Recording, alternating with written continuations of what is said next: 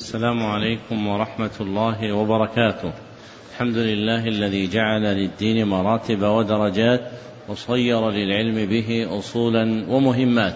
وأشهد أن لا إله إلا الله حقا وأشهد أن محمدا عبده ورسوله صدقا.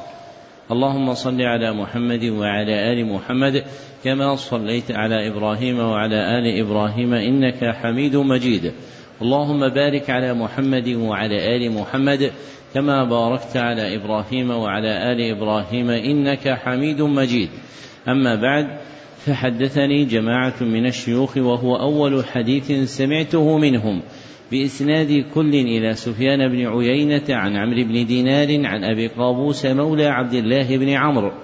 عن عبد الله بن عمرو بن العاص رضي الله عنهما أنه قال قال رسول الله صلى الله عليه وسلم الراحمون يرحمهم الرحمن ارحموا من في الأرض يرحمكم من في السماء. ومن آكد الرحمة رحمة المعلمين بالمتعلمين في تلقينهم أحكام الدين وترقيتهم في منازل اليقين.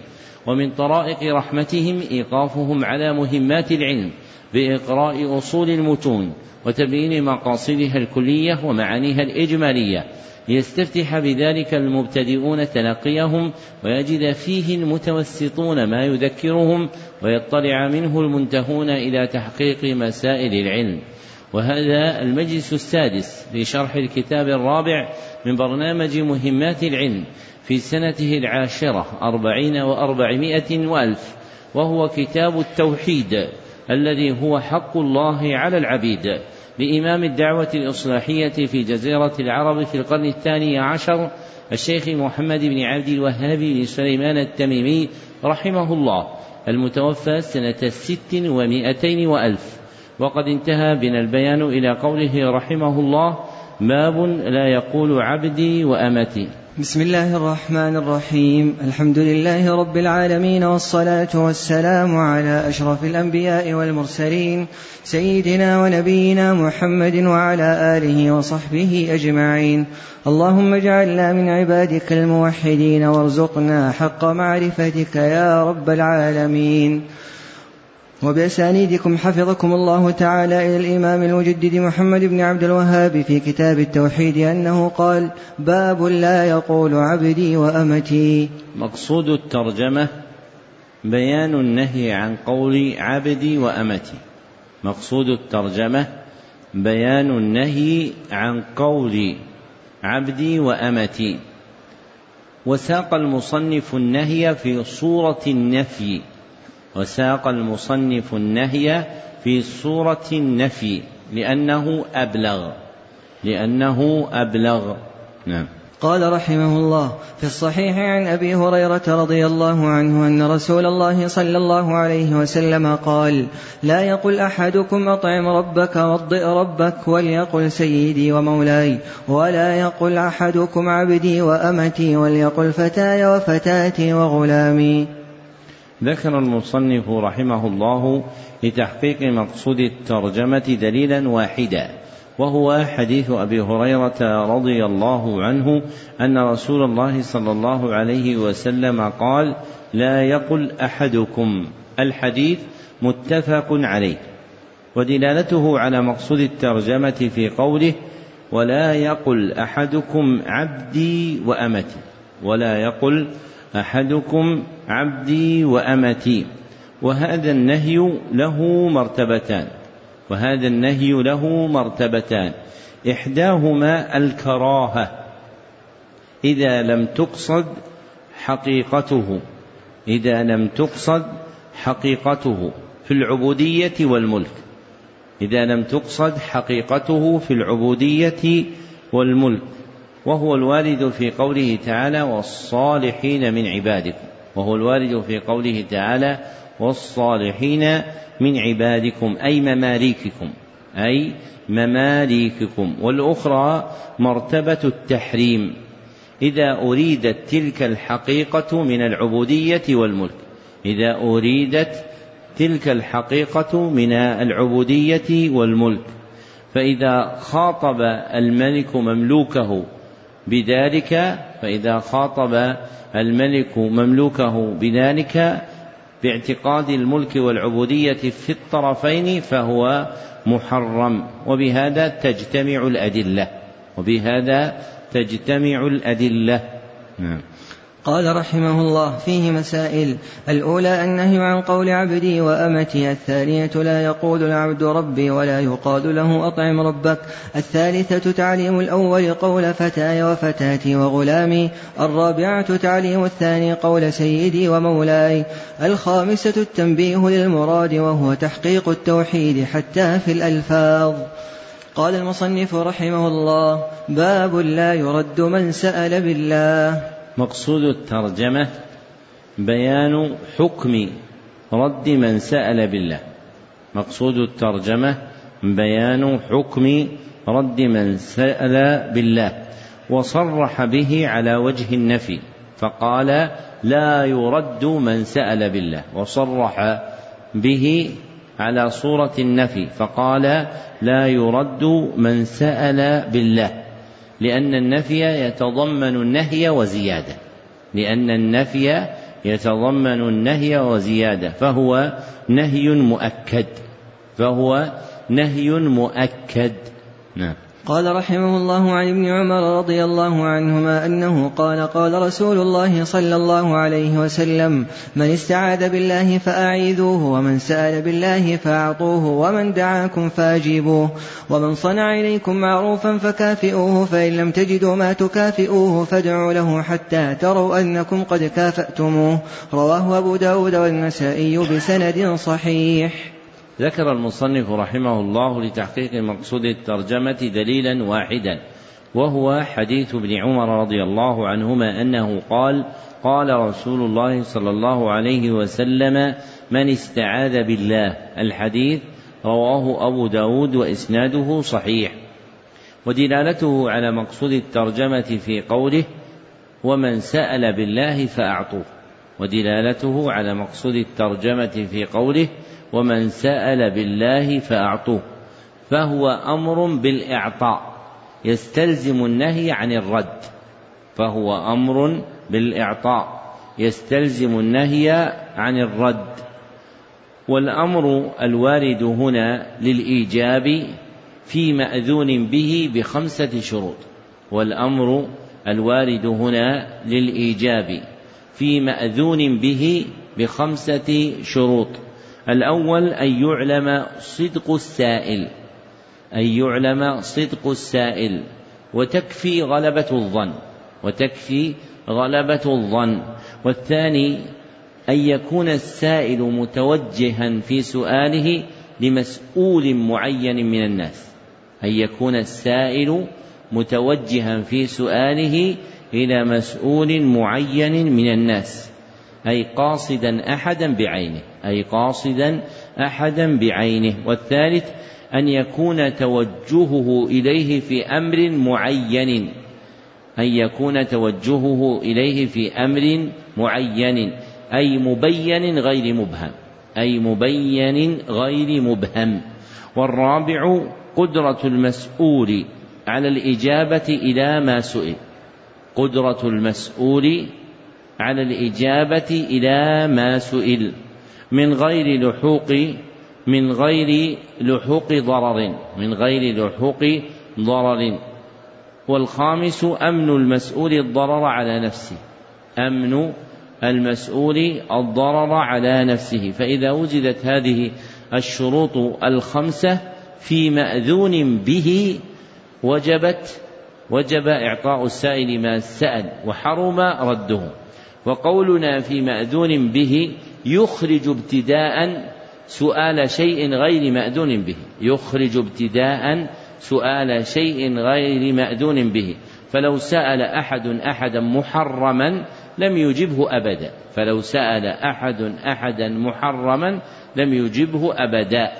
فالمسألة المذكورة تتعلق بالمباح المأذون به. فالمسألة المذكورة تتعلق بالمباح المأذون به.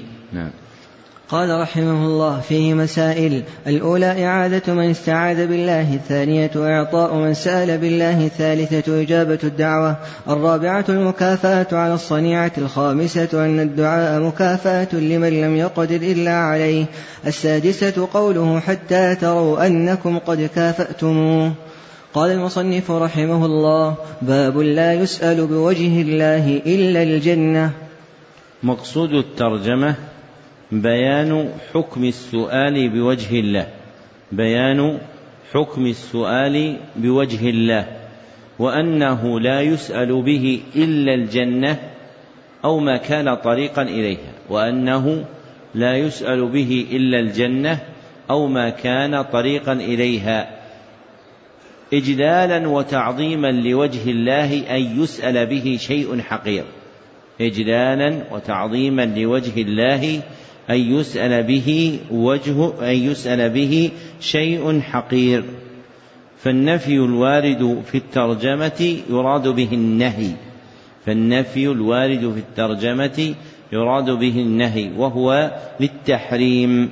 نعم. أحسن الله إليكم قال رحمه الله عن جابر رضي الله عنه أنه قال قال رسول الله صلى الله عليه وسلم لا يسأل بوجه الله إلا الجنة رواه أبو داود.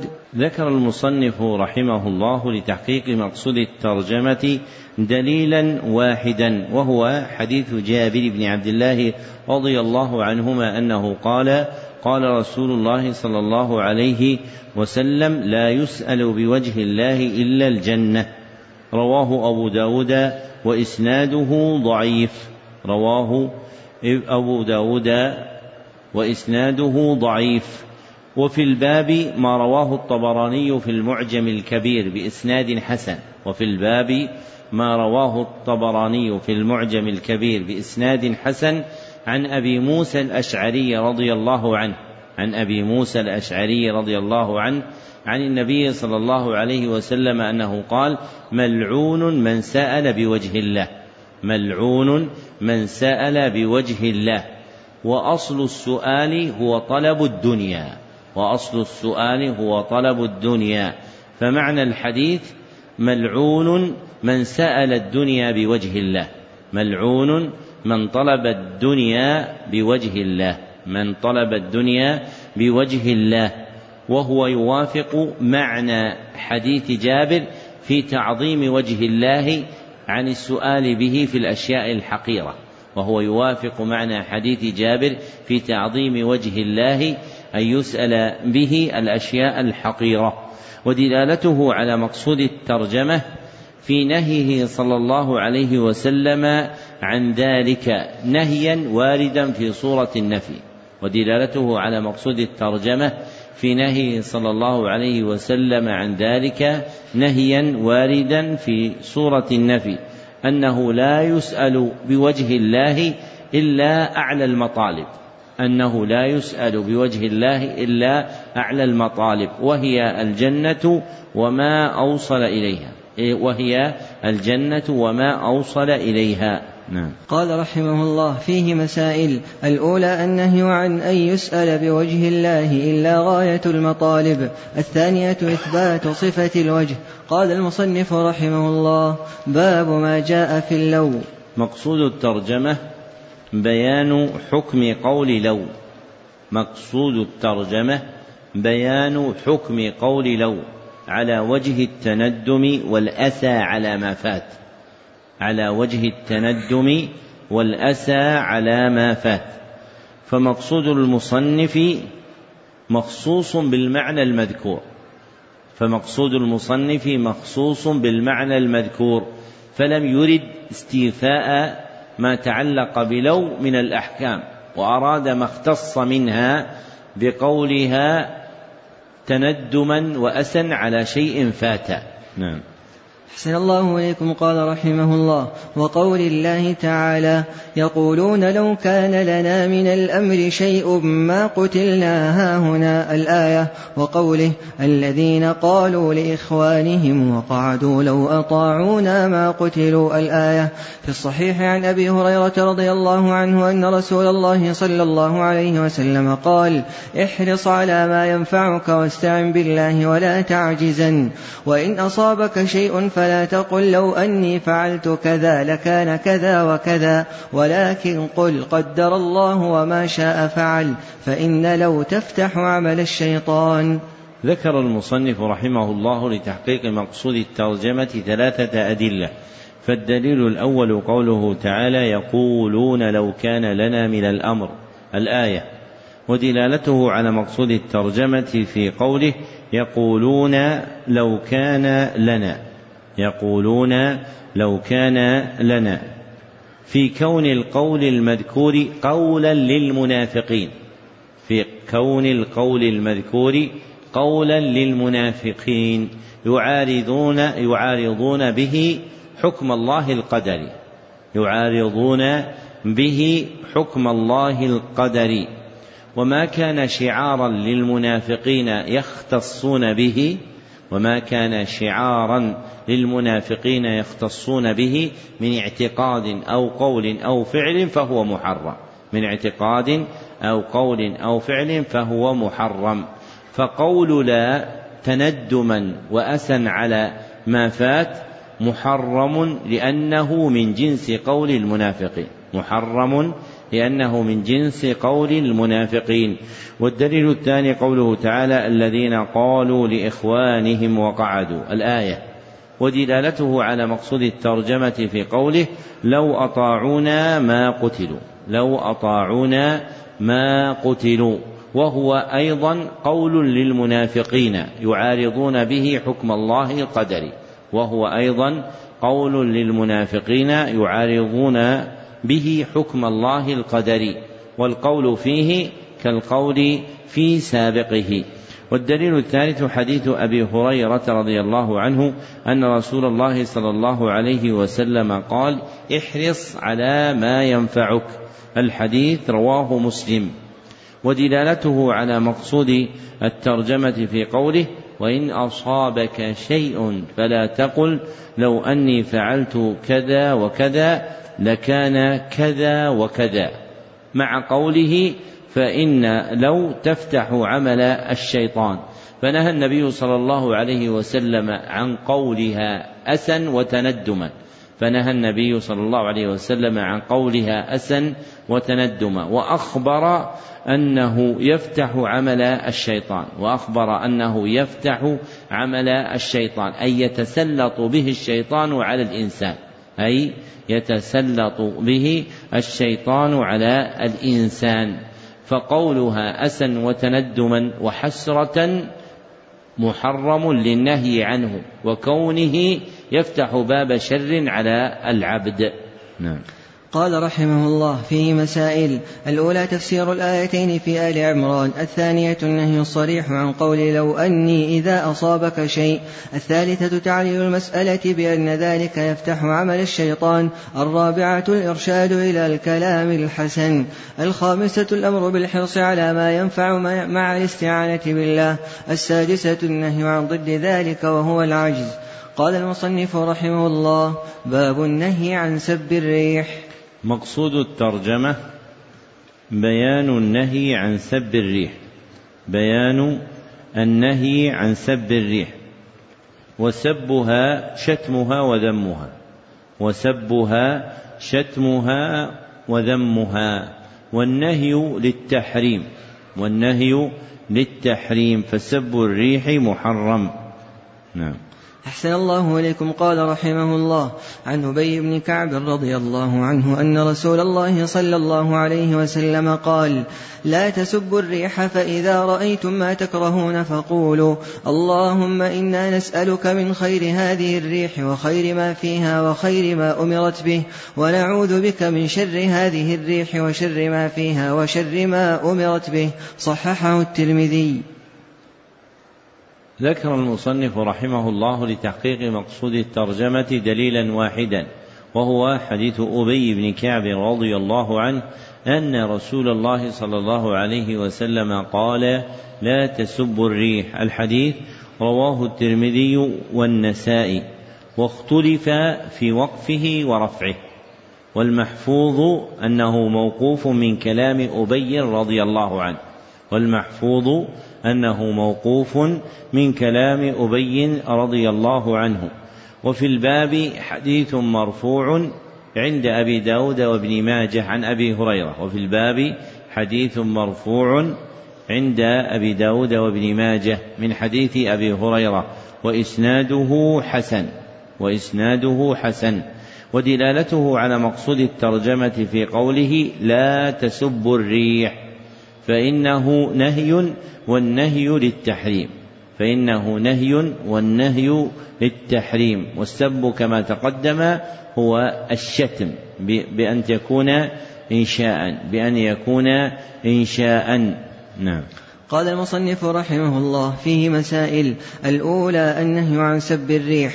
الثانية الإرشاد إلى الكلام النافع إذا رأى الإنسان ما يكره. الثالثة الإرشاد إلى أنها مأمورة. الرابعة أنها قد تؤمر بخير وقد تؤمر بشر. قال المصنف رحمه الله باب قول الله تعالى يظنون بالله غير الحق ظن الجاهلية يقولون هل لنا من الأمر من شيء؟ قل إن الأمر كله لله. الآية مقصود الترجمة بيان حكم ظن الجاهلية. بيان حكم ظن الجاهلية وهو ظن العبد بربه ما لا يليق.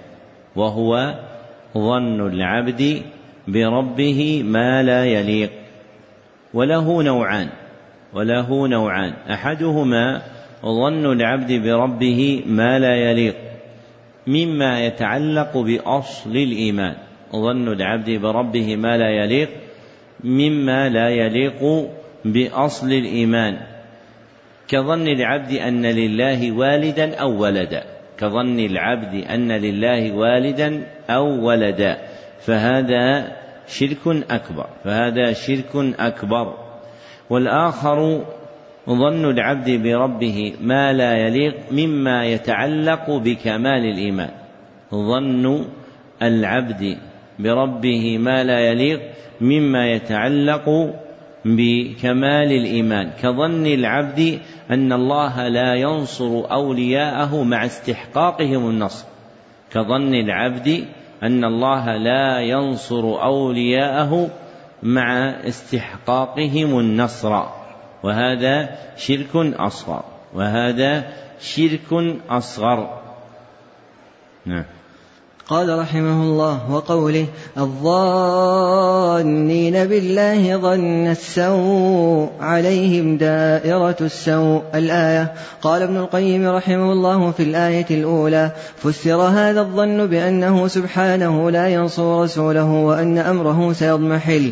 وفسر بأن ما أصابه لم يكن بقدر الله وحكمته ففسر بإنكار الحكمة وإنكار القدر وإنكار أن يتم أمر رسوله وأن يظهر يظهره على الدين كله وهذا هو ظن السوء الذي ظن المنافقون والمشركون في سورة الفتح. وإنما كان هذا ظن السوء لأنه ظن غير ما يليق به سبحانه وما يليق بحكمته وحمده ووعده الصادق. فمن ظن أنه يديل الباطل على الحق إدالة مستقرة يضمحل معها الحق أو أنكر أن يكون ما جرى بقضائه وقدره أو أنكر أن يكون قدره لحكمة بالغة يستحق عليها الحمد. بل زعم أن ذلك لمشيئة مجردة فذلك ظن الذين كفروا فويل للذين كفروا من النار وأكثر الناس يظنون بالله ظن السوء فيما يختص بهم وفيما يفعله بغيرهم ولا يسلو من ذلك إلا من عرف الله وأسماءه وصفاته وموجب حكمته وحمده. فليعتني اللبيب الناصح لنفسه بهذا وليتب إلى الله ويستغفره من ظنه بربه ظن السوء. ولو فتشت من فتشت لرأيت عنده تعنتا على القدر وملامة مستقلة وأنه كان ينبغي أن يكون كذا وكذا فمستقل ومستكثر. وفتش نفسك هل أنت سالم؟ فإن تنجو منها تنجو من ذي عظيمة وإلا فإني لا إخالك ناجيا. ذكر المصنف رحمه الله لتحقيق مقصود الترجمة دليلين. فالدليل الأول قوله تعالى يظنون بالله غير الحق. الآية ودلالته على مقصود الترجمة في قوله يظنون بالله غير الحق ظن الجاهلية. وذلك من ثلاثة وجوه. وذلك من ثلاثة وجوه. أولها أن هذا الظن غير الحق. أن هذا الظن غير الحق. فهو ظن باطل. فهو ظن باطل. وثانيها أنه ظن الجاهلية أنه ظن الجاهلية وما أضيف إليها فهو محرم وما أضيف إليها فهو محرم. وثالثها أن هذا ظن المنافقين أن هذا ظن المنافقين. وما كان شعارا لهم يختصون به من قول أو فعل أو اعتقاد فهو محرم. وما كان شعارا لهم يختصون به من اعتقاد أو قول أو فعل فهو محرم. والدليل الثاني قوله تعالى الظانين بالله ظن السوء. وذلك ودلالته على مقصود الترجمة من ثلاثة وجوه. ودلالته على مقصود الترجمة من ثلاثة وجوه. أولها تسمية ظنهم ظن السوء. تسمية ظنهم ظن السوء فهو ظن غير حسن فهو ظن غير حسن. وثانيها أن عليهم دائرة أن عليهم دائرة السوء أن عليهم دائرة السوء أي العذاب أي العذاب. جزاء ظنهم الباطل جزاء ظنهم الباطل. وثالثها أن هذا ظن المنافقين والكافرين أن هذا ظن المنافقين والكافرين. وما أضيف لهم مختصا بهم فهو محرم. وما أضيف لهم مختصا بهم فهو محرم. ومما ينوه به عند وقوع قراءة هذا الباب أن معاني التوحيد في القرآن والسنة مما ذكر في هذا الكتاب أو غيره يحتاج المرء إلى إعادة النظر في تفهمها والعمل بها. فمتى استقر علمه بها في قلبه عرف موارد التوحيد والشرك في أحوال الناس. وكثير ممن يعانون علم التوحيد يقتصرون على ظواهر المعاني دون تعميق النظر في فهم مقاصد تلك الأدلة ومنها الواردة في هذا الكتاب. فمشمولات هذه الأبواب المذكورة في الكتاب تنتظم تحتها معان طويلة الذيل فهذا الباب مثلا المتعلق بسوء الظن بالله سبحانه وتعالى تتكاثر شواهده في أحوال الخلق قولا وفعلا ولا سيما في هذه الأزمنة الأخيرة. التي يظن فيها من يظن من الناس أن الإسلام إلى اضمحلال وأن الله سبحانه وتعالى لا ينصر دينه وأنه لا يقيم الحق لأوليائه. فهذه كلها وغيرها من أحوال الخلق قولا وفعلا مما ينافي مضمن هذا الباب من الظن الحسن بالله سبحانه وتعالى وهو نظير الظن الذي لا يليق بالله عز وجل مما جاء فيه آيتان في هذا الكتاب. ومن الكتب النافعة التي ينبغي أن يقرأها الناس كافة وطلاب العلم خاصة كتاب حسن الظن بالله لابن أبي الدنيا. كتاب حسن الظن بالله لابن أبي الدنيا. فإنك ترى فيه منثورا من الأحاديث والآثار التي تبين لك حقيقة حسن ظن بالله وأن مقابل ذلك سوء ظن بالله سبحانه وتعالى. والناس يتفاوتون في رسوخهم في فهم التوحيد باعتبار كمال فهمهم لمقاصد الأبواب. فالذي يقف على معاني الباب دون تعميق النظر فيه لا يفهم كثيرا من المسائل التي تضاهي ما يذكر في هذه الأبواب. فمثلا تقدم معنا في باب سابق باب لا يقال السلام على الله وهو نهي عن الدعاء لله بالسلامة. فحقيقة قولهم السلام على الله أنهم يدعون لله إيش؟ بالسلامة. فتقدير الكلام اللهم سلم ربنا. فتقدير الكلام اللهم سلم ربنا. فنهي عنه لما يوهمه من نقص الله سبحانه وتعالى وأن الله مستغن عن دعائهم فمثله كل دعاء يقع من الناس يوهم نقصا لله سبحانه وتعالى مع استغنائه عنه. كقول الناس مثلا الله ينصر ربك. الله ينصر ربك.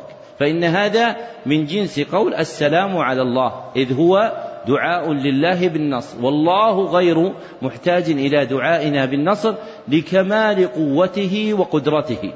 ومثله أيضا ما يقع من بعض الناس من قولهم عند سماع ثناء على الله. بقول من يثني على الله سبحانه وتعالى بذكر أسمائه وصفاته بأن يقول اللهم أنت الحكيم العليم. فيقول القائل آمين. وتقدير الكلام بقول آمين أنها اللهم استجب فكأنه يدعو لله سبحانه وتعالى بالحكمة والعلم. والله مستغن عن ذلك.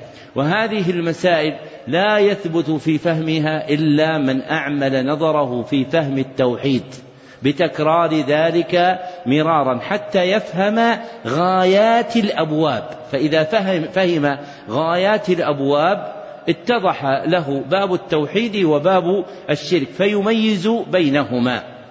ومن شواهد ذلك أن شيخنا ابن باز رحمه الله سئل عن سؤال الشفاعة ممن ترجى له الشهادة.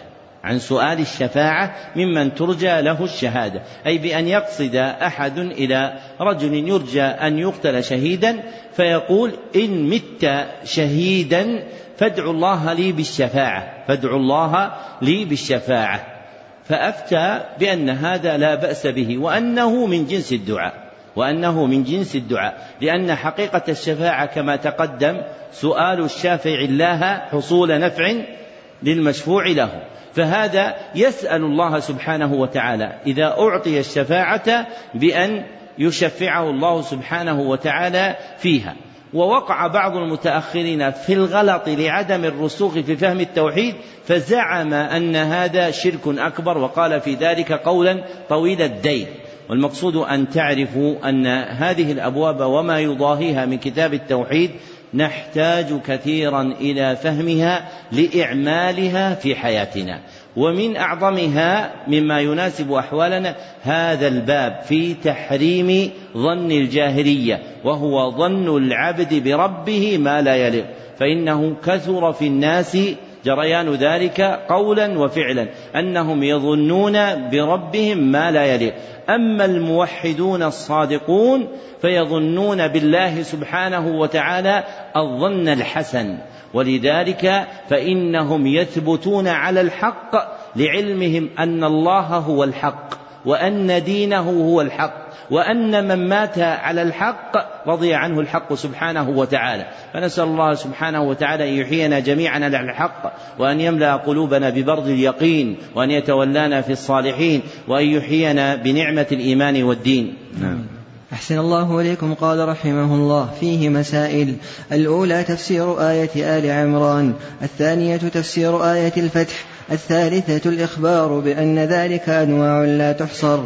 الرابعة أنه لا يسلم من ذلك إلا من عرف الأسماء والصفات وعرف نفسه. قال المصنف رحمه الله باب ما جاء في منكر القدر. مقصود الترجمة بيان حكم منكر القدر. بيان حكم منكر القدر. وهو من جنس ظن الجاهلية. وهو من جنس ظن الجاهلية وأفرده المصنف بالترجمة تعظيما له وأفرده المصنف بالترجمة تعظيما له. نعم. أحسن الله إليكم قال رحمه الله. وقال ابن عمر رضي الله عنهما والذي نفس ابن عمر بيده لو كان لأحدهم مثل أحد ذهبا ثم أنفقه في سبيل الله ما قبله الله منه حتى يؤمن بالقدر ثم استدل بقول النبي صلى الله عليه وسلم الإيمان أن تؤمن بالله وملائكته وكتبه ورسله واليوم الآخر وتؤمن بالقدر خيره وشره رواه مسلم. وعن عبادة بن الصامت رضي الله عنه أنه قال لابنه يا بني إنك لن تجد طعم الإيمان حتى تعلم أن ما أصابك لم يكن ليخطئك وما أخطأك لم يكن ليصيبك. سمعت رسول الله صلى الله عليه وسلم يقول إن أول ما خلق الله القلم فقال له اكتب. فقال رب وماذا أكتب؟ قال اكتب مقادير كل شيء حتى تقوم الساعة. يا بني سمعت رسول الله صلى الله عليه وسلم يقول من مات على غير هذا فليس مني. وفي رواية لأحمد إن أول ما خلق الله تعالى القلم فقال له اكتب. فجرى في تلك الساعة بما هو كائن إلى يوم القيامة.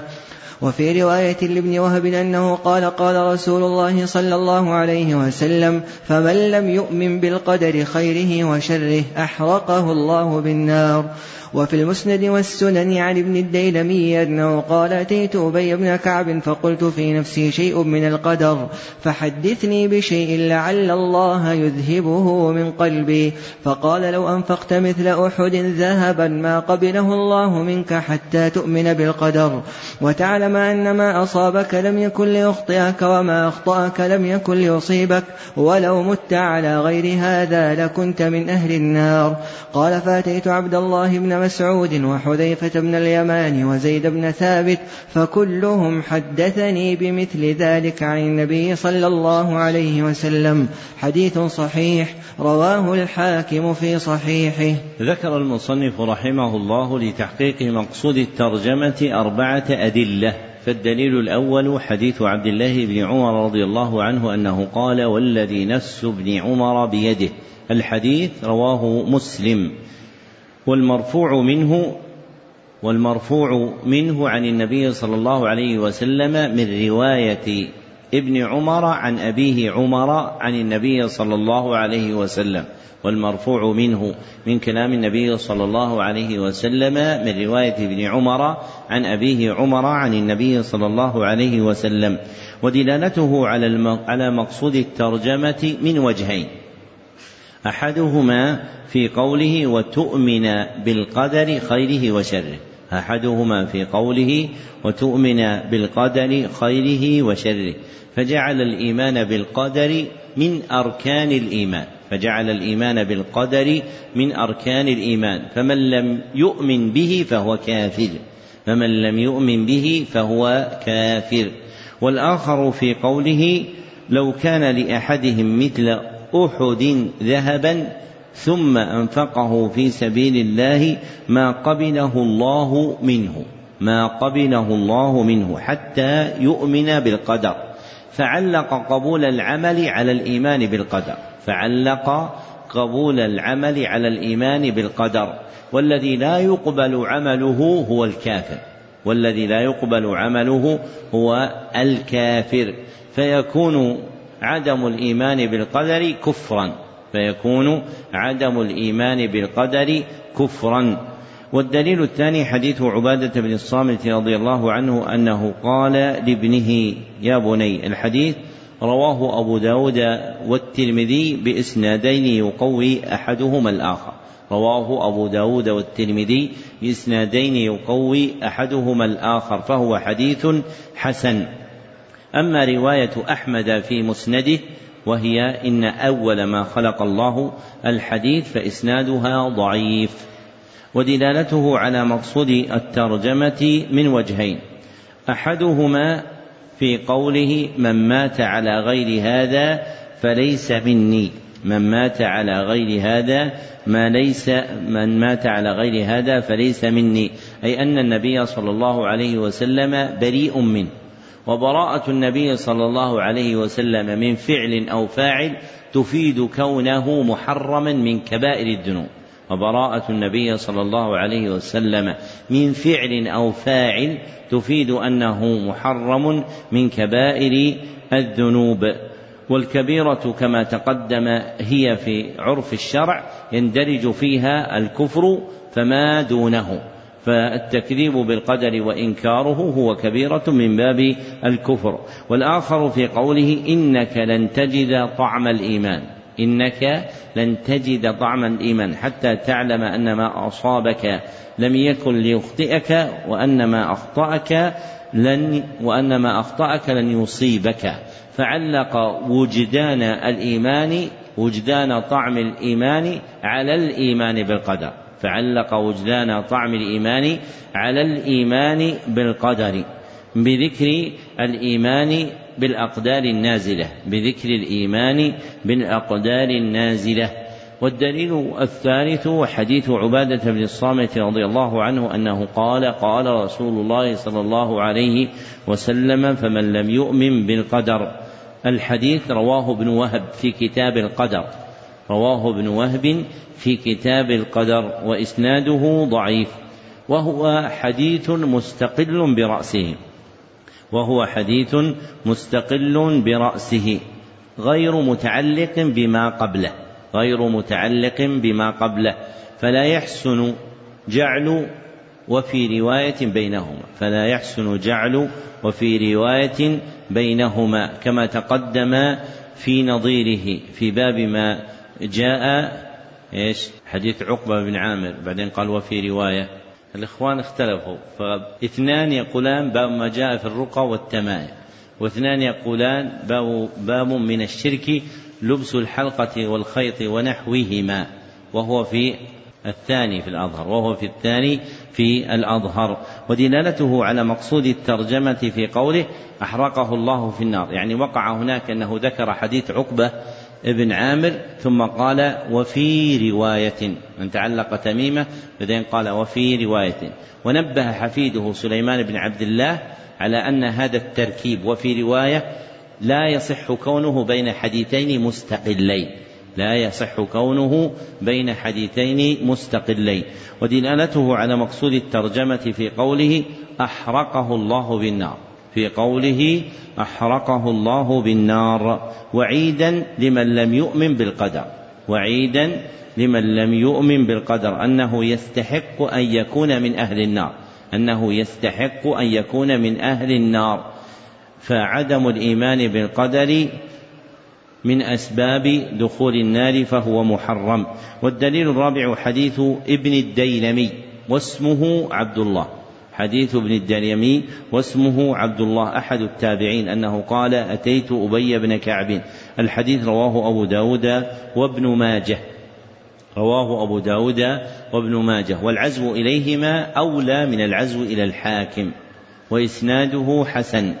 ودلالته على مقصود الترجمة في قوله ولو مت على غير هذا لكنت من أهل النار ولو مت على غير هذا لكنت من أهل النار فمن مات منكرا القدر فهو من أهل النار الذين هم أهلها فمن مات منكرا القدر فهو من أهل النار الذين هم أهلها أي الذين لا يخرجون منها لأنه كافر بالله سبحانه وتعالى. نعم. أحسن الله إليكم. قال رحمه الله فيه مسائل. الأولى بيان فرض الإيمان بالقدر الثانية بيان كيفية الإيمان. الثالثة إحباط عمل من لم يؤمن به. الرابعة الإخبار أن أحدا لا يجد طعم الإيمان حتى يؤمن به. الخامسة ذكر أول ما خلق الله. السادسة أنه جرى بالمقادير في تلك الساعة إلى قيام الساعة.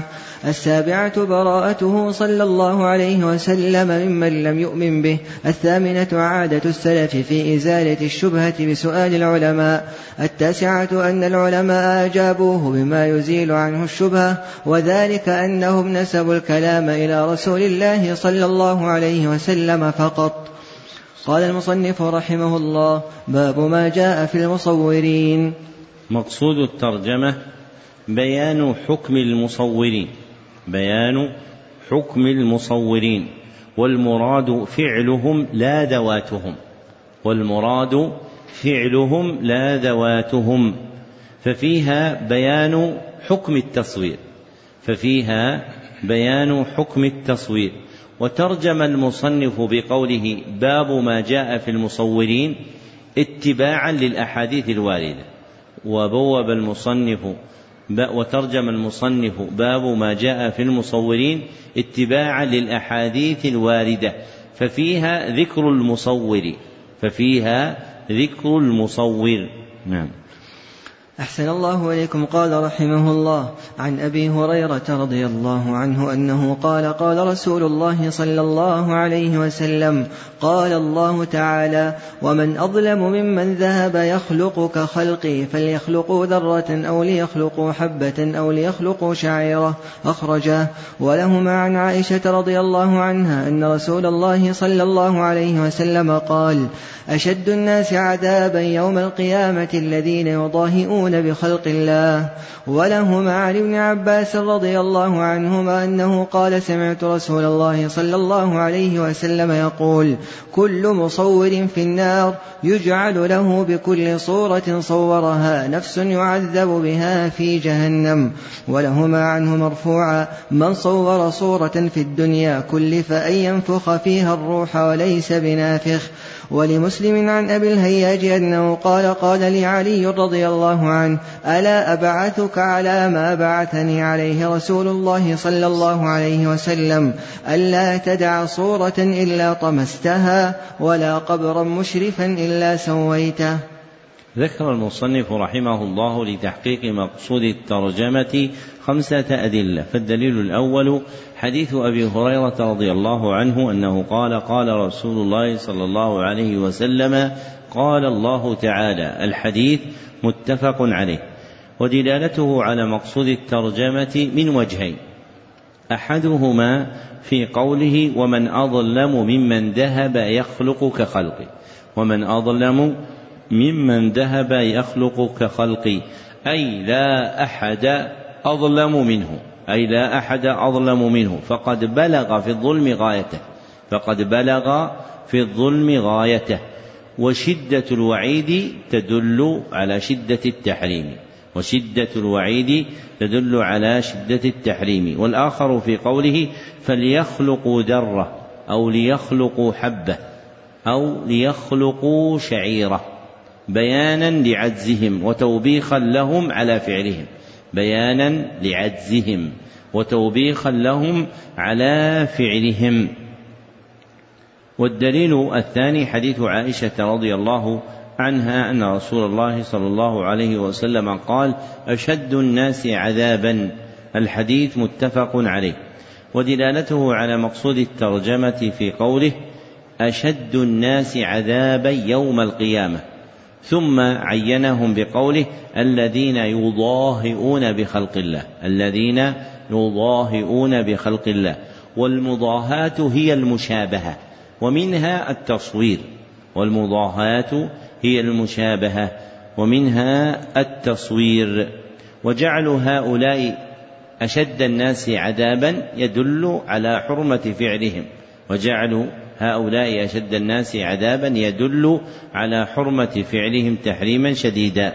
والدليل الثالث حديث ابن عباس رضي الله عنه أنه قال سمعت رسول الله صلى الله عليه وسلم يقول كل مصور في النار. كل مصور في النار. الحديث متفق عليه ودلالته على مقصود الترجمة في قوله في النار.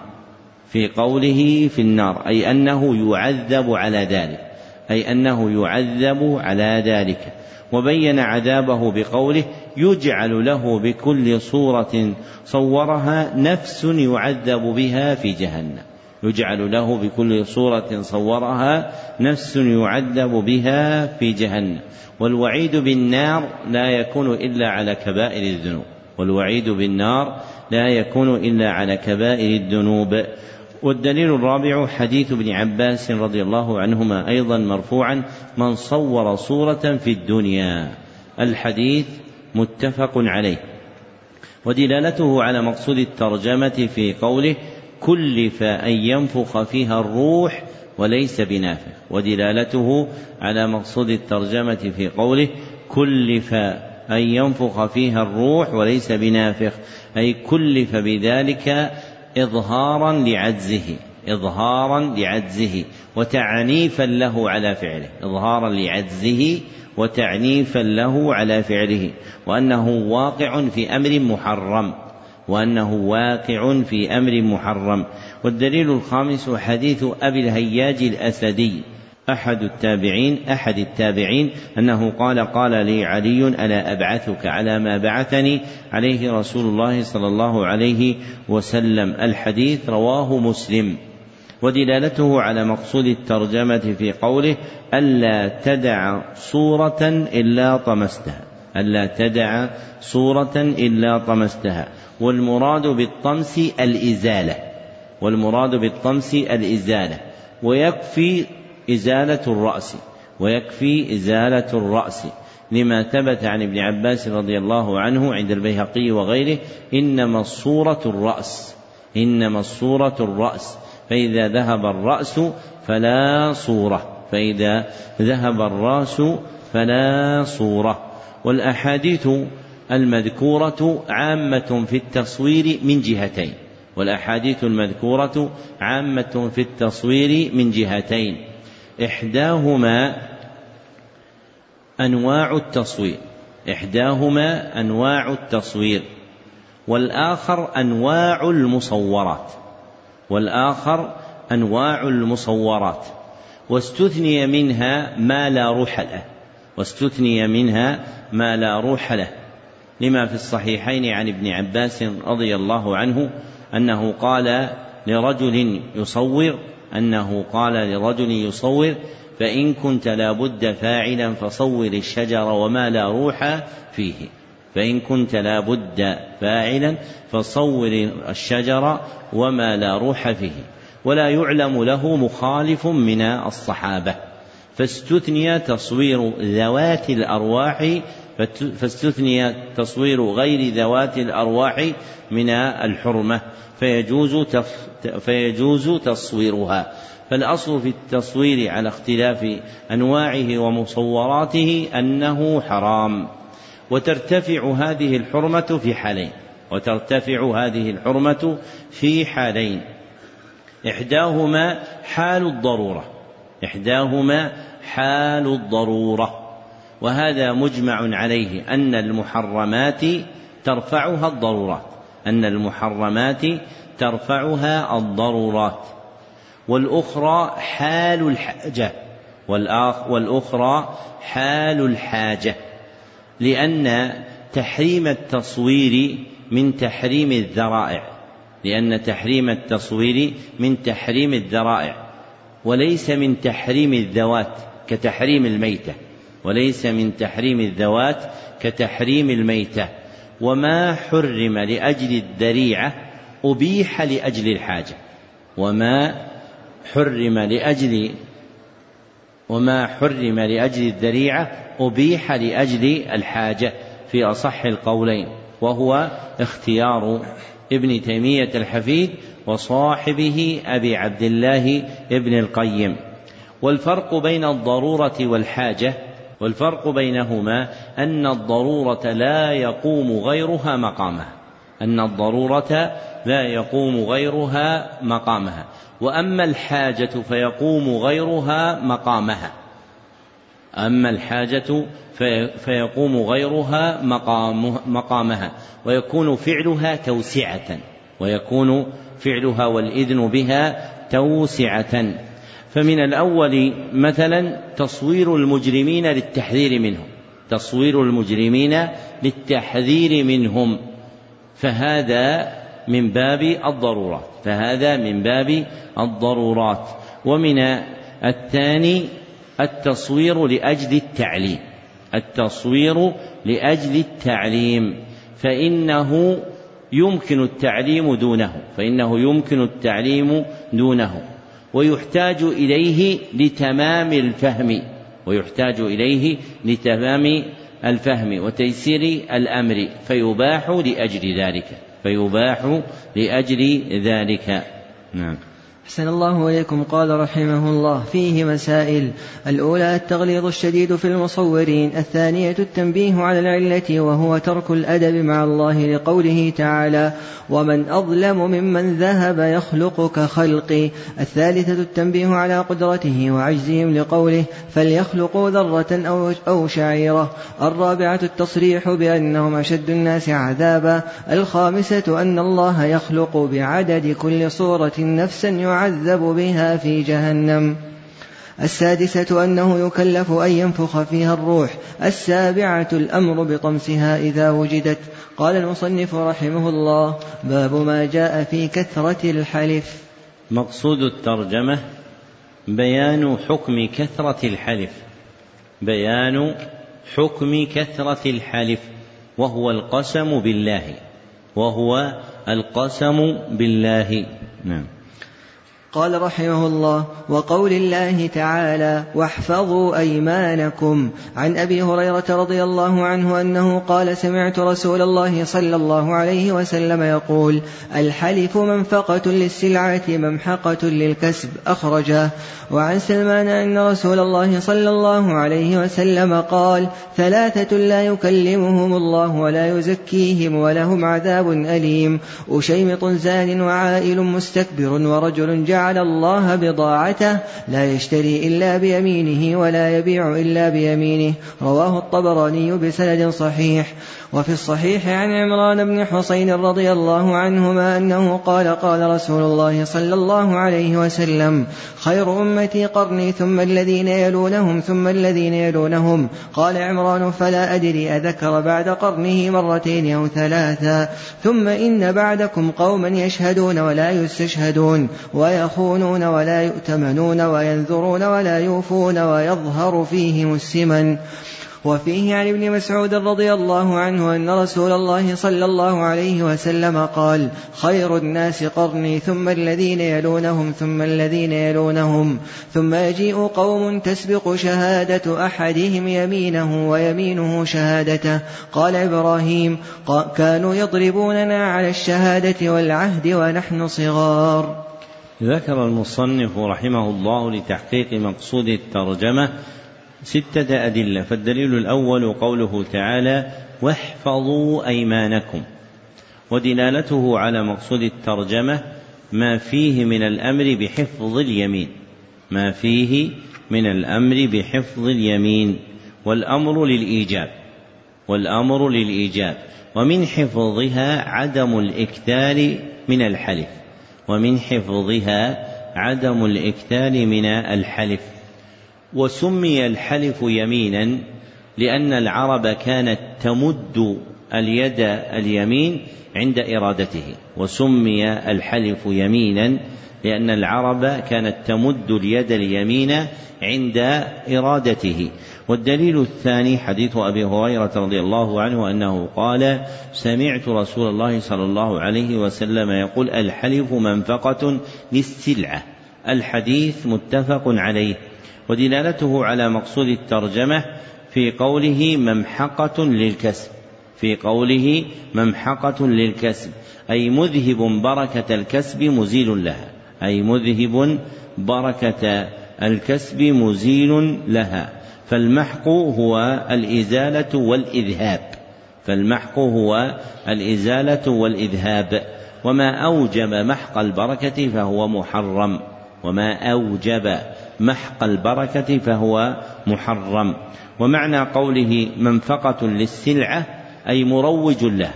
ومعنى قوله منفقة للسلعة أي مروج لها. فالحالف يبيع سلعته ويقبل عليها الناس إذا قرنها بالحلف. فالحالف يبيع سلعته ويروجها عند الناس إذا قرنها بالحلف. لإحسانهم الظن به عند ذلك. لإحسانهم الظن به عند ذلك. والدليل الثالث حديث سلمان الفارسي رضي الله عنه أن رسول الله صلى الله عليه وسلم قال ثلاثة لا يكلمهم الله. الحديث رواه الطبراني في معاجمه الثلاثة الكبير والأوسط والصغير. رواه الطبراني في معاجمه الثلاثة الكبير والأوسط والصغير وإسناده صحيح. ودلالته على مقصود الترجمة في قوله ورجل جعل الله بضاعته لا يشتري إلا بيمينه ولا يبيع إلا بيمينه أي جعل الحلف بمنزلة البضاعة معه. أي جعل الحلف بمنزلة البضاعة معه فهي ملازمة له فهي ملازمة له فهو يبيع بيمينه ويشتري بيمينه والوعيد المذكور دال على شدة تحريم ذلك والوعيد المذكور دال على شدة تحريم ذلك. والدليل الرابع حديث عمران بن حسين رضي الله عنه أنه قال قال رسول الله صلى الله عليه وسلم خير أمتي قرني. الحديث متفق عليه. ودلالته على مقصود الترجمة من ثلاثة وجوه. أولها في مدح القرون الثلاثة. في مدح القرون الثلاثة. ومن موجبات مدحهم حفظهم أيمانهم في الحلف. ومن موجبات مدحهم حفظهم أيمانهم في الحلف بأنهم لا يكثرون منه بأنهم لا يكثرون منه. وثانيها في قوله وينذرون ولا يوفون. وثانيها في قوله وينذرون ولا يوفون. ذما لهم على هذه الحال. ذما لهم على هذه الحال. ومن جملة ما يدخل في النذر عقد اليمين. ومن جملة ما يدخل في النذر عقد النذير عقد اليمين لاشتراكهما في التزام شيء. لاشتراكهما في التزام شيء. وثالثها في قوله وينذرون ولا يوفون. وثالثها في قوله وينذرون ولا يوفون. على إرادة معنى اليمين على إرادة معنى اليمين لما ذكر من كونه يشارك النذر في العقد. على ما ذكر من كونه يشارك النذر في العقد. وكل ذلك ذم يدل على التحريم. وكل ذلك وكل ذلك ذم يدل على التحريم. فالفرق بين الثاني والثالث أن النذر تارة يراد به المعنى العام وهو الالتزام وتارة يراد به معنى خاص تندرج فيه اليمين. والدليل الخامس حديث ابن مسعود أن رسول الله صلى الله عليه وسلم قال خير الناس قرني.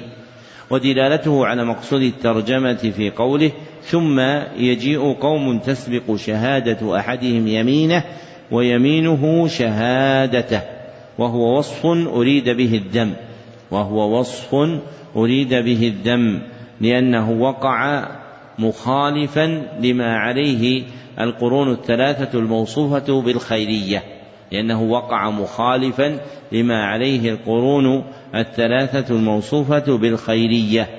والدليل السادس حديث إبراهيم النخعي رحمه الله أنه قال كانوا يضربوننا على الشهادة والعهد ونحن صغار رواه البخاري. ودلالته على مقصود الترجمة في أنهم كانوا يضربون على العهد والشهادة والمراد بالعهد اليمين فيضربون على ذلك لئلا يكثروا منها فيضربون على ذلك لئلا يكثروا منها.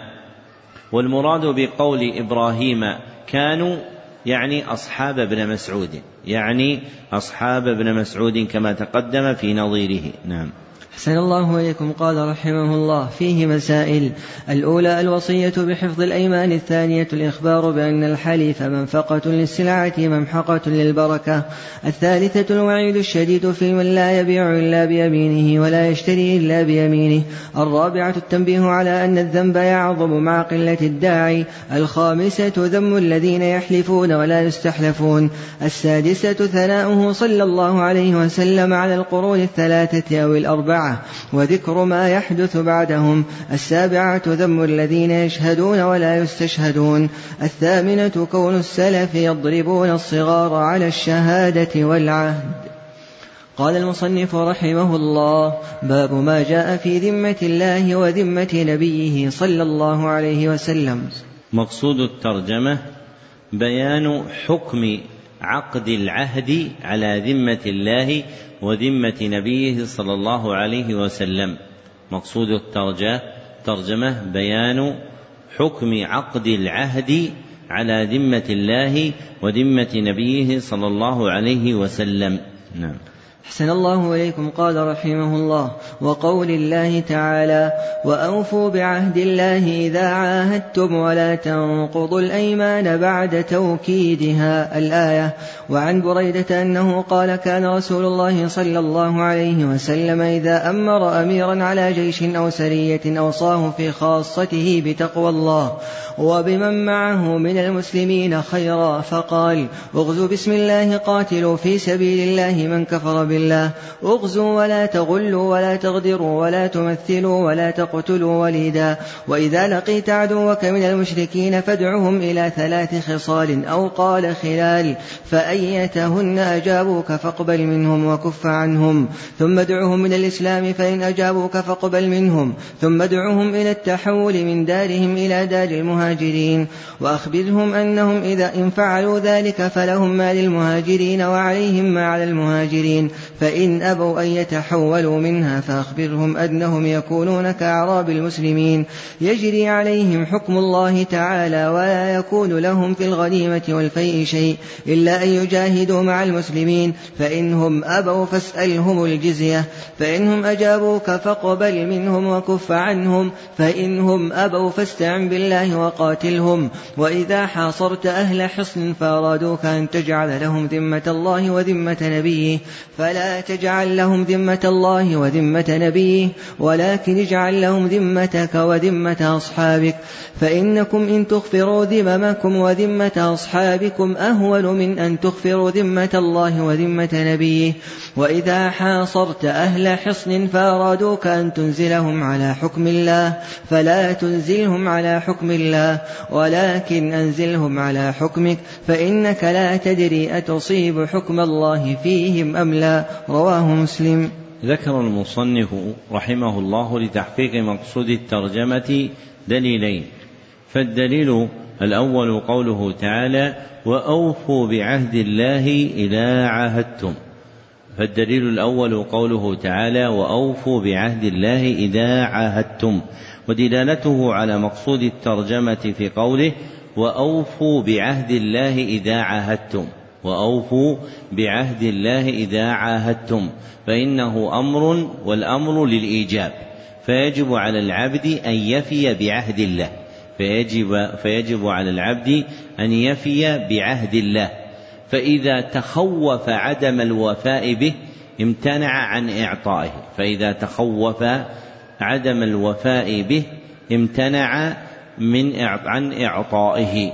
وهو المراد في الترجمة.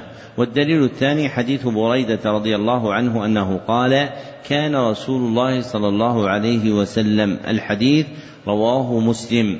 ودلالته على مقصود الترجمة في قوله فأرادوك أن تجعل لهم ذمة الله وذمة نبيه فلا تجعل لهم ذمة الله وذمة نبيه. فنهوا عن إعطاء العهد بذمة الله وذمة نبيه لئلا يخفروا العهد بذلك لئلا يخفروا العهد بذلك أي ينقضوه أي ينقضوه فيكون في ذلك عدم إعظام لله ولرسوله صلى الله عليه وسلم. نعم. قال رحمه الله فيه مسائل الأولى الفرق بين ذمة الله وذمة نبيه وذمة المسلمين. الثانية الإرشاد إلى أقل الأمرين خطرا. الثالثة قوله أغزوا بسم الله في سبيل الله. الرابعة قوله قاتلوا من كفر بالله. الخامسة قوله استعن بالله وقاتلهم. السادسة الفرق بين حكم الله وحكم العلماء. السابعة في كون الصحابي يحكم عند الحاجة بحكم. لا يدري أيوافق يوافق حكم الله أم لا؟ قال المصنف رحمه الله باب ما جاء في الإقسام على الله. مقصود الترجمة بيان حكم الإقسام على الله.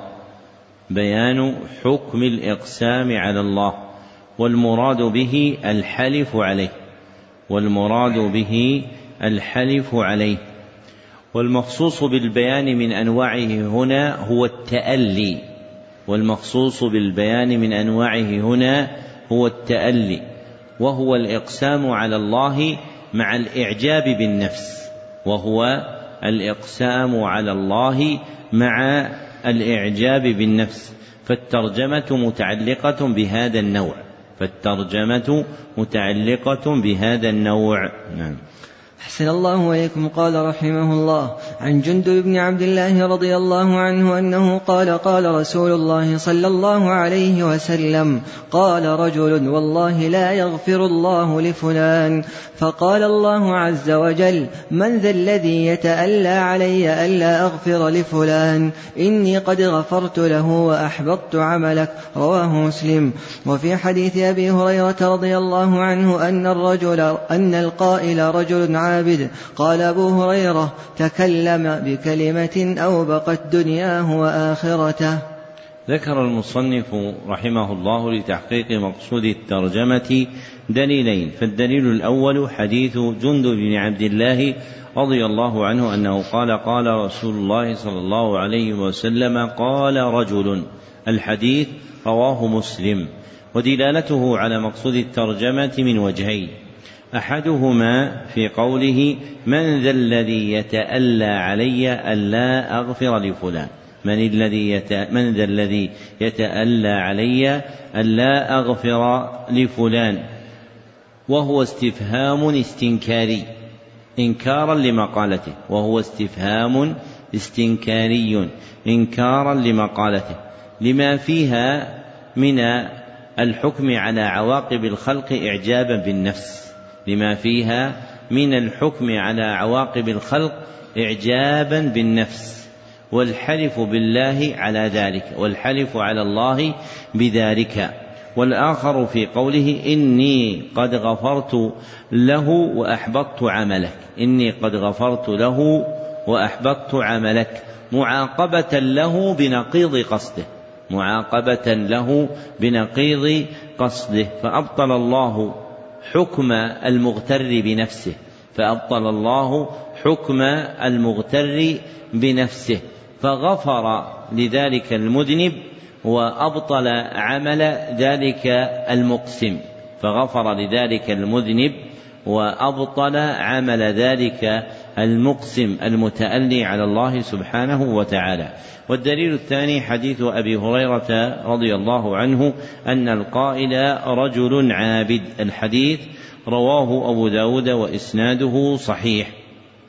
ودلالته على مقصود الترجمة في قول الله في الحديث القدسي من رواية أبي هريرة إذهب فادخل جنتي برحمتي.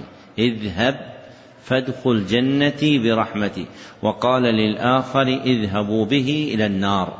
وقال للآخر اذهبوا به إلى النار. فجعل الجنة للمذنب وجعل النار للمتألي المقسم على الله. فجعل الجنة للمذنب وجعل النار للمتألي المقسم على الله المعجب بعمله المغتر بنفسه. نعم. أحسن الله إليكم. قال رحمه الله فيه مسائل. الأولى التحذير من التألي على الله الثانية قوله رحمه الله الأولى التحذير من التألي على الله أي الإقسام عليه أي الإقسام عليه إعجابا بالنفس وتحكما في الخلق أي الإقسام عليه إعجابا بالنفس وتحكما في الخلق. نعم.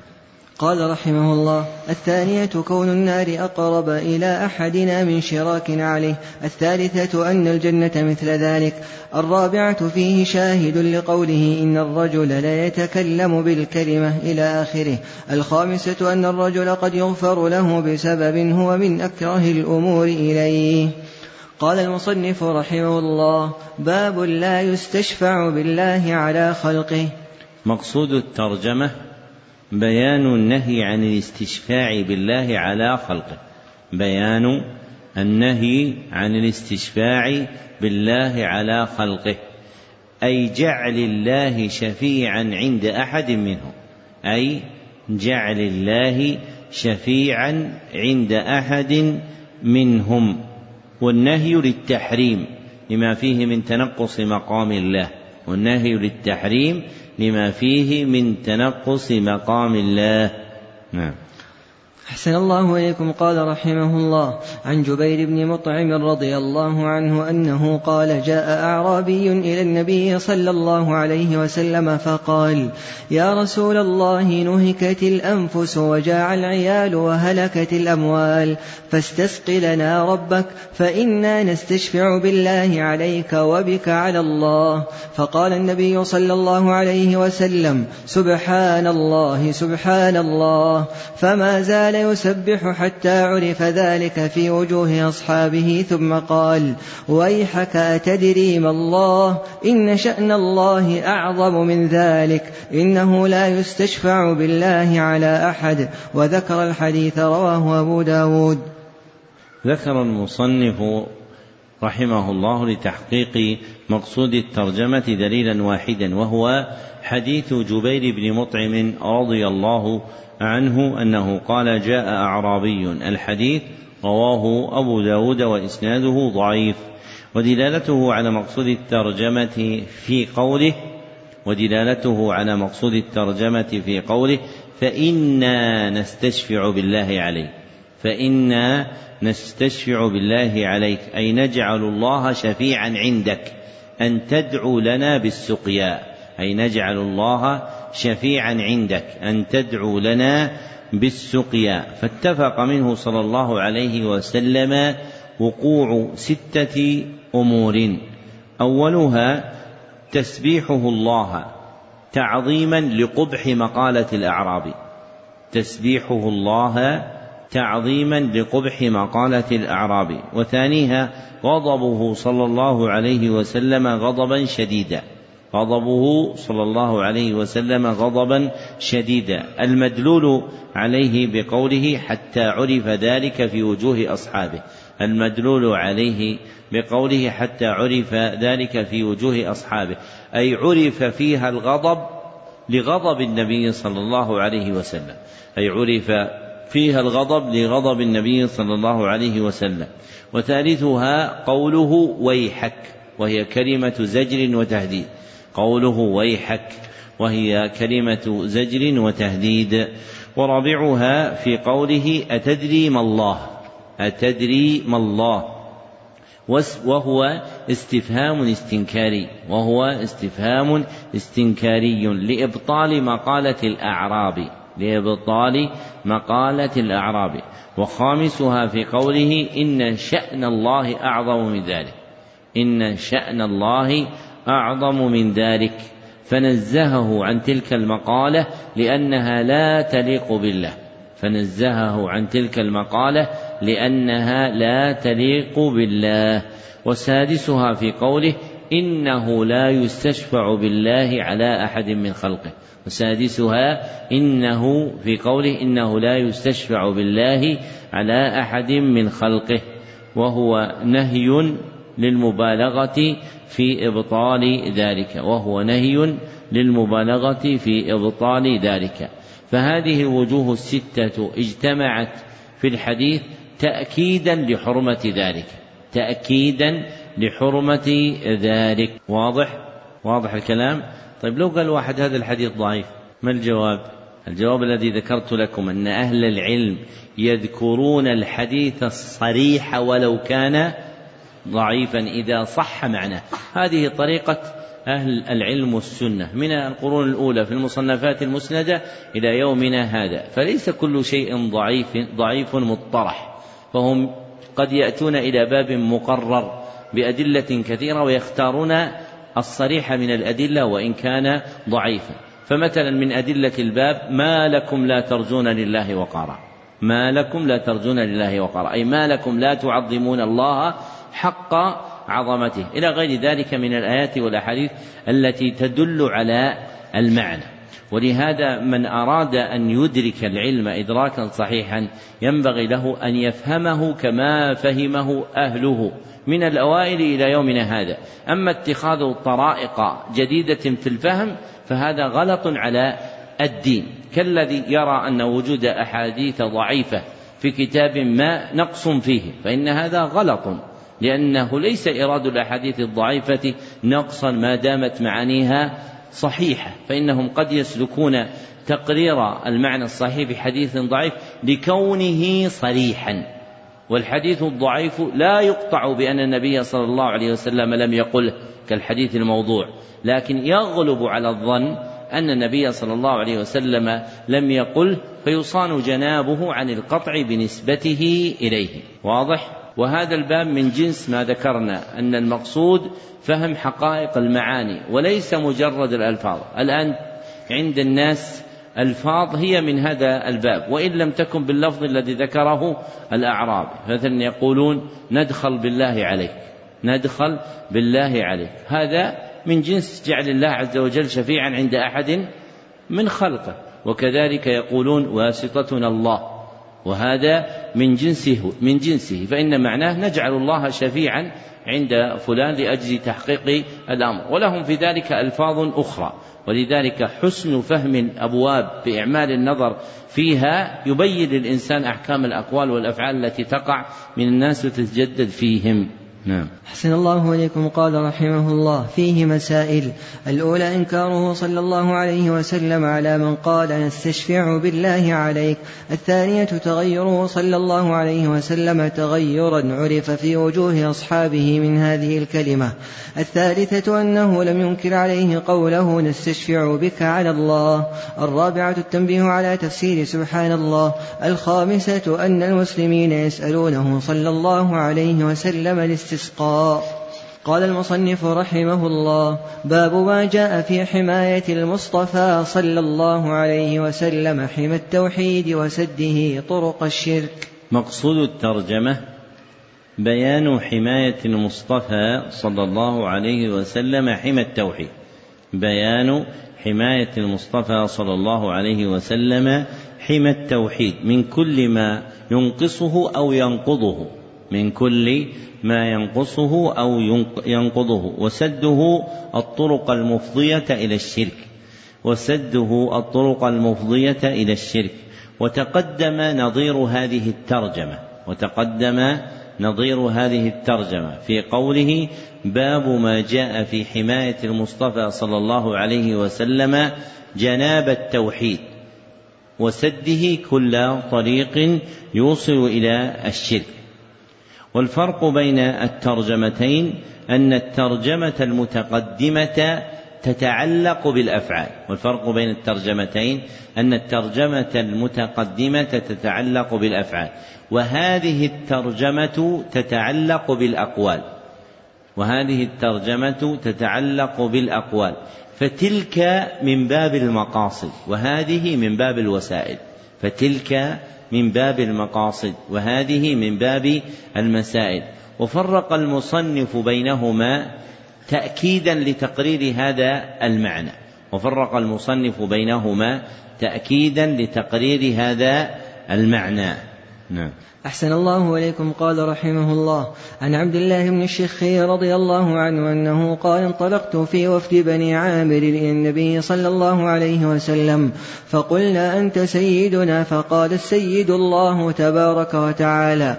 قلنا وأفضلنا فضلا وأعظمنا طولا. فقال صلى الله عليه وسلم قولوا بقولكم أو بعض قولكم ولا يستجرينكم الشيطان. رواه أبو داود بسند جيد. وعن أنس رضي الله عنه أن ناسا قالوا يا رسول الله يا خيرنا وابن خيرنا وسيدنا وابن سيدنا. فقال صلى الله عليه وسلم يا أيها الناس قولوا بقولكم ولا يستهوينكم الشيطان. أنا محمد عبد الله ورسوله. ما أحب أن ترفعوني فوق منزلة التي أنزلني الله عز وجل. رواه النسائي بسند جيد.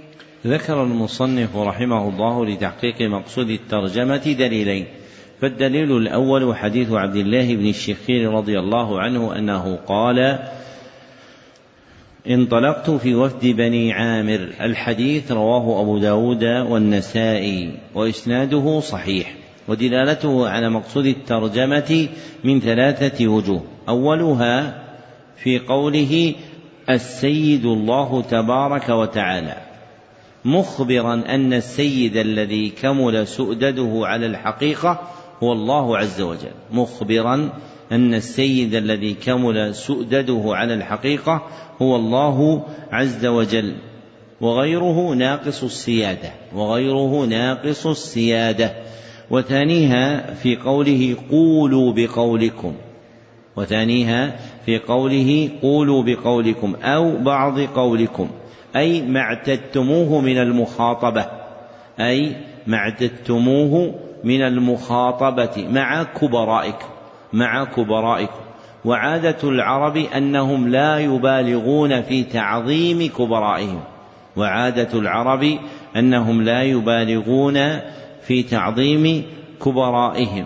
فأمرهم النبي صلى الله عليه وسلم أن يخاطبوه بما كانوا عليه.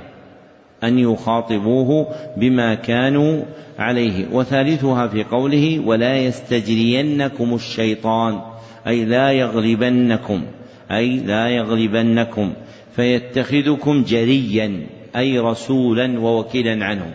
فيتخذكم جريا أي رسولا ووكيلا عنه. في فتح باب الشر على النفس في فتح باب الشر على النفس.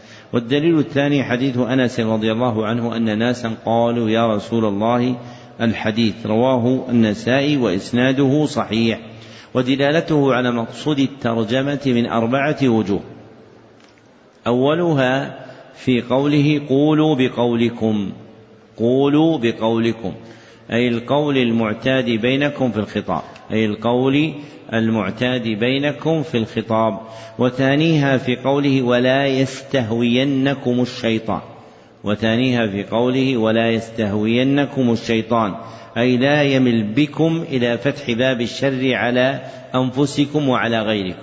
أي لا يمل بكم إلى فتح باب الشر على أنفسكم وعلى غيركم. وثالثها في قوله أنا محمد عبد الله ورسوله. أنا محمد عبد الله ورسوله. إخبارا عما له من المقام. إخبارا عما له من المقام. وأن له مقام العبودية والرسالة.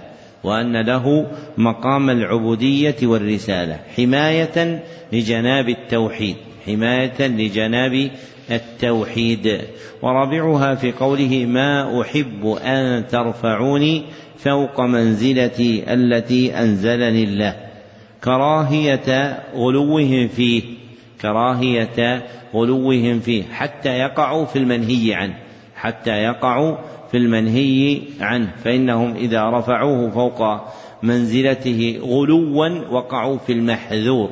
فإنهم إذا رفعوه فوق منزلته غلوا وقعوا في المحذور. ولذلك تقدم قوله صلى الله عليه وسلم لا تطروني كما أطرت النصارى ابن مريم.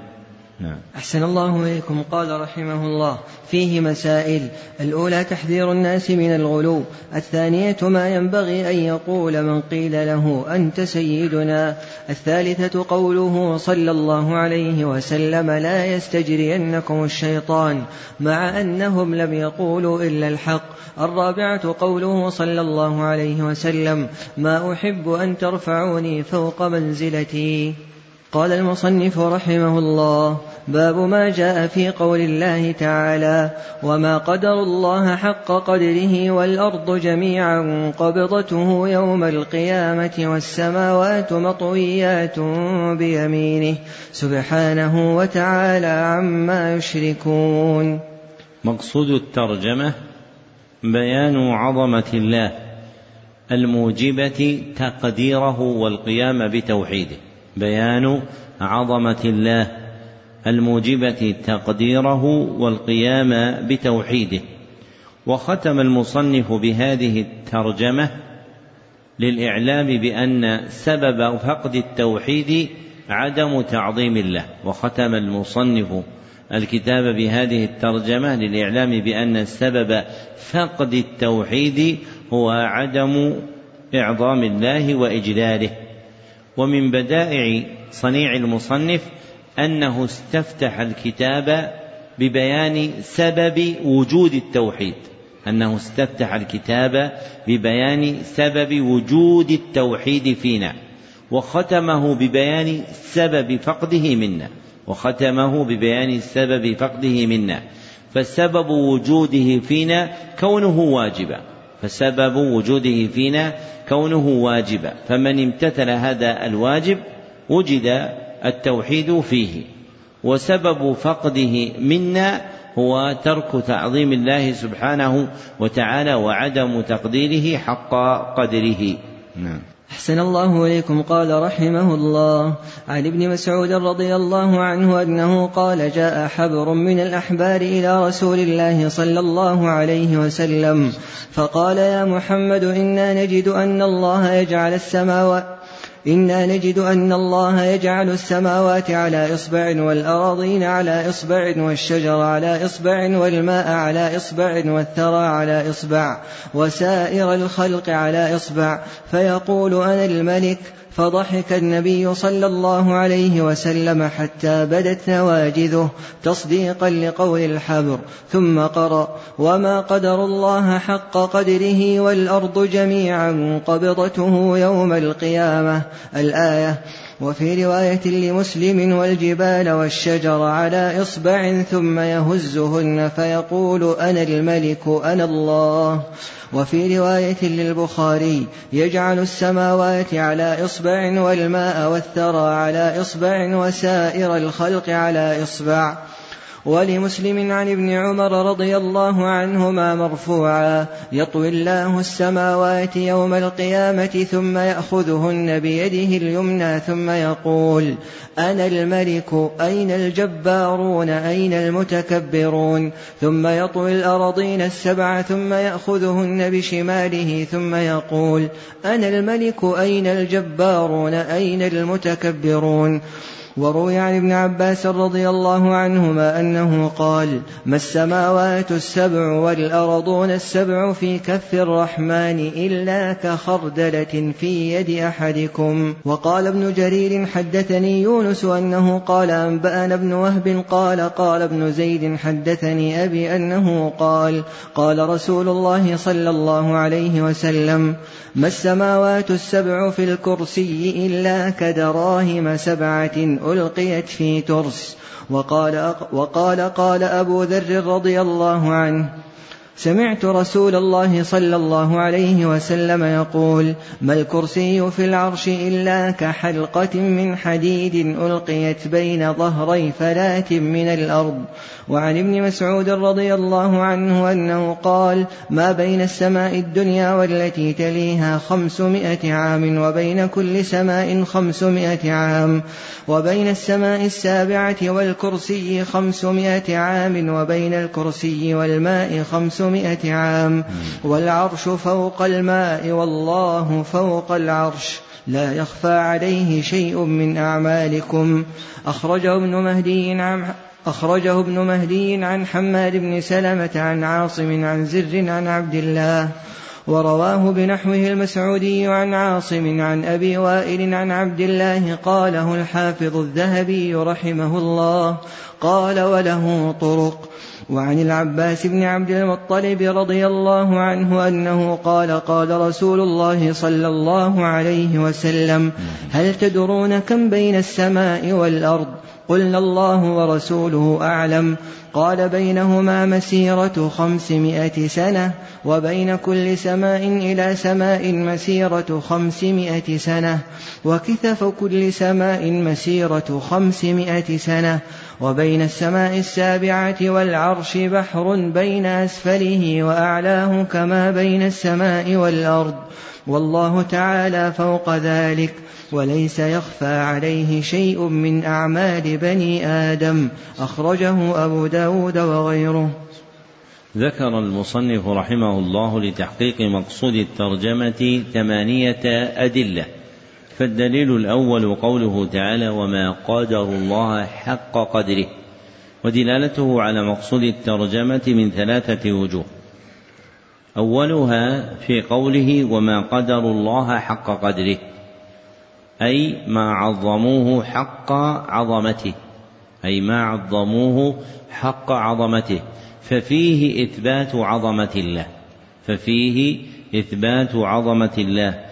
وثانيها في قوله والأرض جميعا قبضته يوم القيامة والسماوات مطويات بيمينه وهذا دال على عظمة الله سبحانه بعظمة فعله وهذا دال على عظمة الله سبحانه وتعالى لعظمة فعله. وثالثها في قوله سبحانه وتعالى عما يشركون تنزيها له عن مقالات المشركين. تنزيها له عن مقالات المشركين في إضافة النقائص والعيوب إليه سبحانه. في إضافة النقائص والعيوب له سبحانه. والدليل الثاني حديث ابن مسعود رضي الله عنه أنه قال جاء حبر الحديث متفق عليه. ودلالته على مقصود الترجمة من وجهين. أحدهما ما فيه من ذكر صفة الله. ما فيه من ذكر صفة الله. فعظم صفاته خبر عن عظم الموصوف بها سبحانه. فعظم صفاته خبر عن عن عظم الموصوف بها سبحانه. ووقع ضحك النبي صلى الله عليه وسلم تصديقا لقول الحبر. ووقع ضحك النبي صلى الله عليه وسلم تصديقا لخبر الحبر. والآخر في قراءته صلى الله عليه وسلم الآية المشتملة على تعظيم الله. في قراءته صلى الله عليه وسلم الآية المشتملة على تعظيم الله. والدليل الثالث حديث ابن عمر رضي الله عنهما مرفوعا يطوي الله السماوات. الحديث رواه مسلم. ووقع في لفظه ثم يأخذهن بشماله ثم يأخذهن بشماله والمحفوظ بلفظ ثم يأخذهن بيده الأخرى والمحفوظ بلفظ ثم يأخذهن بيده الأخرى وهو المتفق عليه وهو المتفق عليه. ودلالته على مقصود الترجمة في قوله في قوله تعالى أنا الملك أين الجبارون أين المتكبرون؟ فإنه يوم القيامة لا ملك إلا ملكه ولا أمر إلا أمره. فإنه يوم القيامة لا ملك إلا ملكه ولا أمر إلا أمره. وفي ذلك إثبات عظمته سبحانه. والدليل الرابع حديث ابن عباس رضي الله عنهما أنه قال ما السماوات السبع؟ الحديث رواه ابن جرير في تفسيره وإسناده ضعيف. ودلالته على مقصود الترجمة في بيان عظمة الله سبحانه في بيان عظمة الله سبحانه. وأن السماوات السبع والأراضين السبع وهن ما هن في عظمتهن يكن ك يكن في كفه بمنزلة الحبة الصغيرة بمنزلة الحبة الصغيرة من الخردل. والدليل الخامس حديث زيد بن أسلم المدني مرفوعا ما السماوات السبع؟ الحديث رواه ابن جرير في تفسيره أيضا وإسناده ضعيف. ودلالته على مقصود الترجمة في بيان عظمة مخلوق من مخلوقات الله وهو الكرسي. في بيان عظمة مخلوق من مخلوقات الله وهو الكرسي فكرسيه سبحانه يبلغ من عظمته أن السماوات السبع كلها بمنزلة سبعة دراهم ألقيت في ترس. كلها بمنزلة سبعة دراهم ألقيت في ترس. والترس آلة من آلات الحرب التي يتقى بها. والترس آلة من آلات الحرب التي يتقى بها. وفي تعظيم خلقه تعظيم له سبحانه. وفي تعظيم خلقه تعظيم له سبحانه.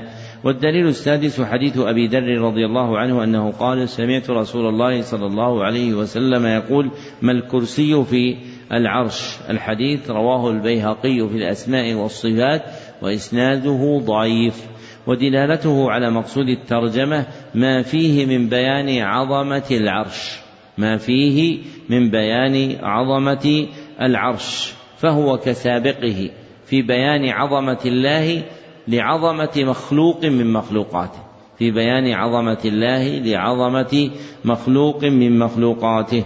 والدليل السابع حديث ابن مسعود رضي الله عنه أنه قال بين السماء الدنيا والتي تليها. أخرجه ابن خزيمة في كتاب التوحيد والطبراني في المعجم الكبير وإسناده حسن.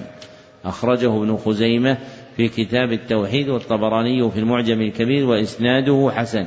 وله حكم الرفع. وله حكم الرفع. ودلالته على مقصود الترجمة من وجهين. أحدهما في بيان عظمة الله.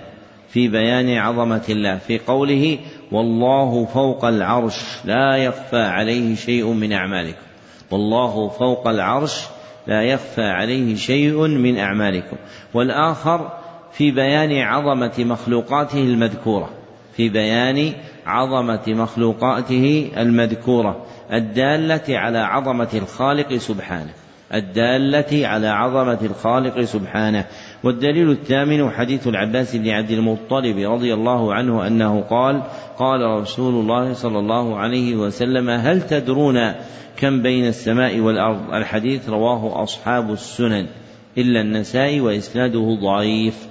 رواه أصحاب السنن إلا النسائي وإسناده ضعيف ودلالته على مقصود الترجمة من وجهين.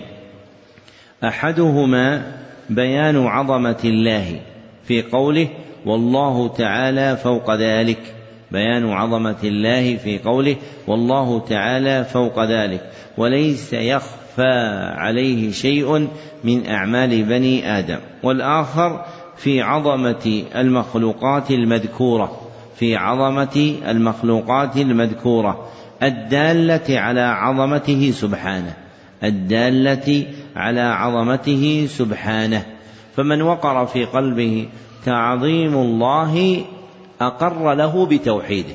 فمن وقر في قلبه تعظيم الله أقر له بتوحيده. فكان تعظيم الله حاملا على وجود التوحيد وإذا فقد هذا التعظيم من قلوب الناس فقد التوحيد منهم. نعم. أحسن الله إليكم قال رحمه الله. فيه مسائل. الأولى تفسير قوله تعالى والأرض جميعا قبضته يوم القيامة.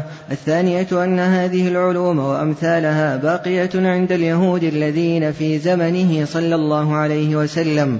لم ينكروها ولم يتأولوها. الثالثة أن الحبر لما ذكر للنبي صلى الله عليه وسلم صدقه ونزل القرآن بتقرير ذلك. الرابع الرابعة وقوع الضحك الكثير من رسول الله صلى الله عليه وسلم لما ذكر الحبر هذا العلم العظيم. الخامسة التصريح بذكر اليدين وأن السماوات في اليد اليمنى والأرضين في اليد الأخرى. السادسة التصريح بتسميتها الشمال. السابعة ذكر الجبارين والمتكبرين عند ذلك. الثامنة قوله كخردلة في كف أحدكم. التاسعة عظم الكرسي بالنسبة إلى السماوات العاشرة عظمة العرش بالنسبة إلى الكرسي الحادية عشرة أن العرش غير الكرسي الثانية عشرة كم بين, بي كم بين كل سماء إلى سماء الثالثة عشرة كم بين السماء السابعة والكرسي الرابعة عشرة كم بين الكرسي والماء الخامسة عشرة أن العرش فوق الماء السادسة عشرة أن الله فوق العرش السابعة عشرة كم بين السماء والأرض؟ الثامنة عشرة كتف كل سماء خمسمائة سنة التاسعة عشرة أن البحر الذي فوق السماوات بين أعلاه وأسفله مسيرة خمسمائة سنة. هذا آخر الأبواب والمسائل والحمد لله رب العالمين. وبهذا نختم هذا الكتاب ببيانه على ما يناسب المقام. اكتبوا طبقة السماع سمع علي جميعا لمن سمع الجميع. كتاب التوحيد بقراءة غيره صاحبنا ويكتب اسمه تاما. فتم له ذلك في ستة مجالس بالميعاد المثبت في محله من نسخته. وأجزت له روايته عني إجازة خاصة من معين لمعين في معين بإسناد المذكور في منح المكرمات لإجازة طلاب المهمات. والحمد لله رب العالمين. صحيح ذلك. وكتبه صالح بن عبد الله بن حمد العصيمي. ليلة الاثنين الرابع والعشرين لكم الرابع والعشرين من شهر ربيع الآخر سنة أربعين وأربعمائة وألف في المسجد النبوي بمدينة النبي صلى الله عليه وسلم. لقاؤنا غدا إن شاء الله تعالى بعد صلاة الفجر في شرح كشف الشبهات والحمد لله رب العالمين.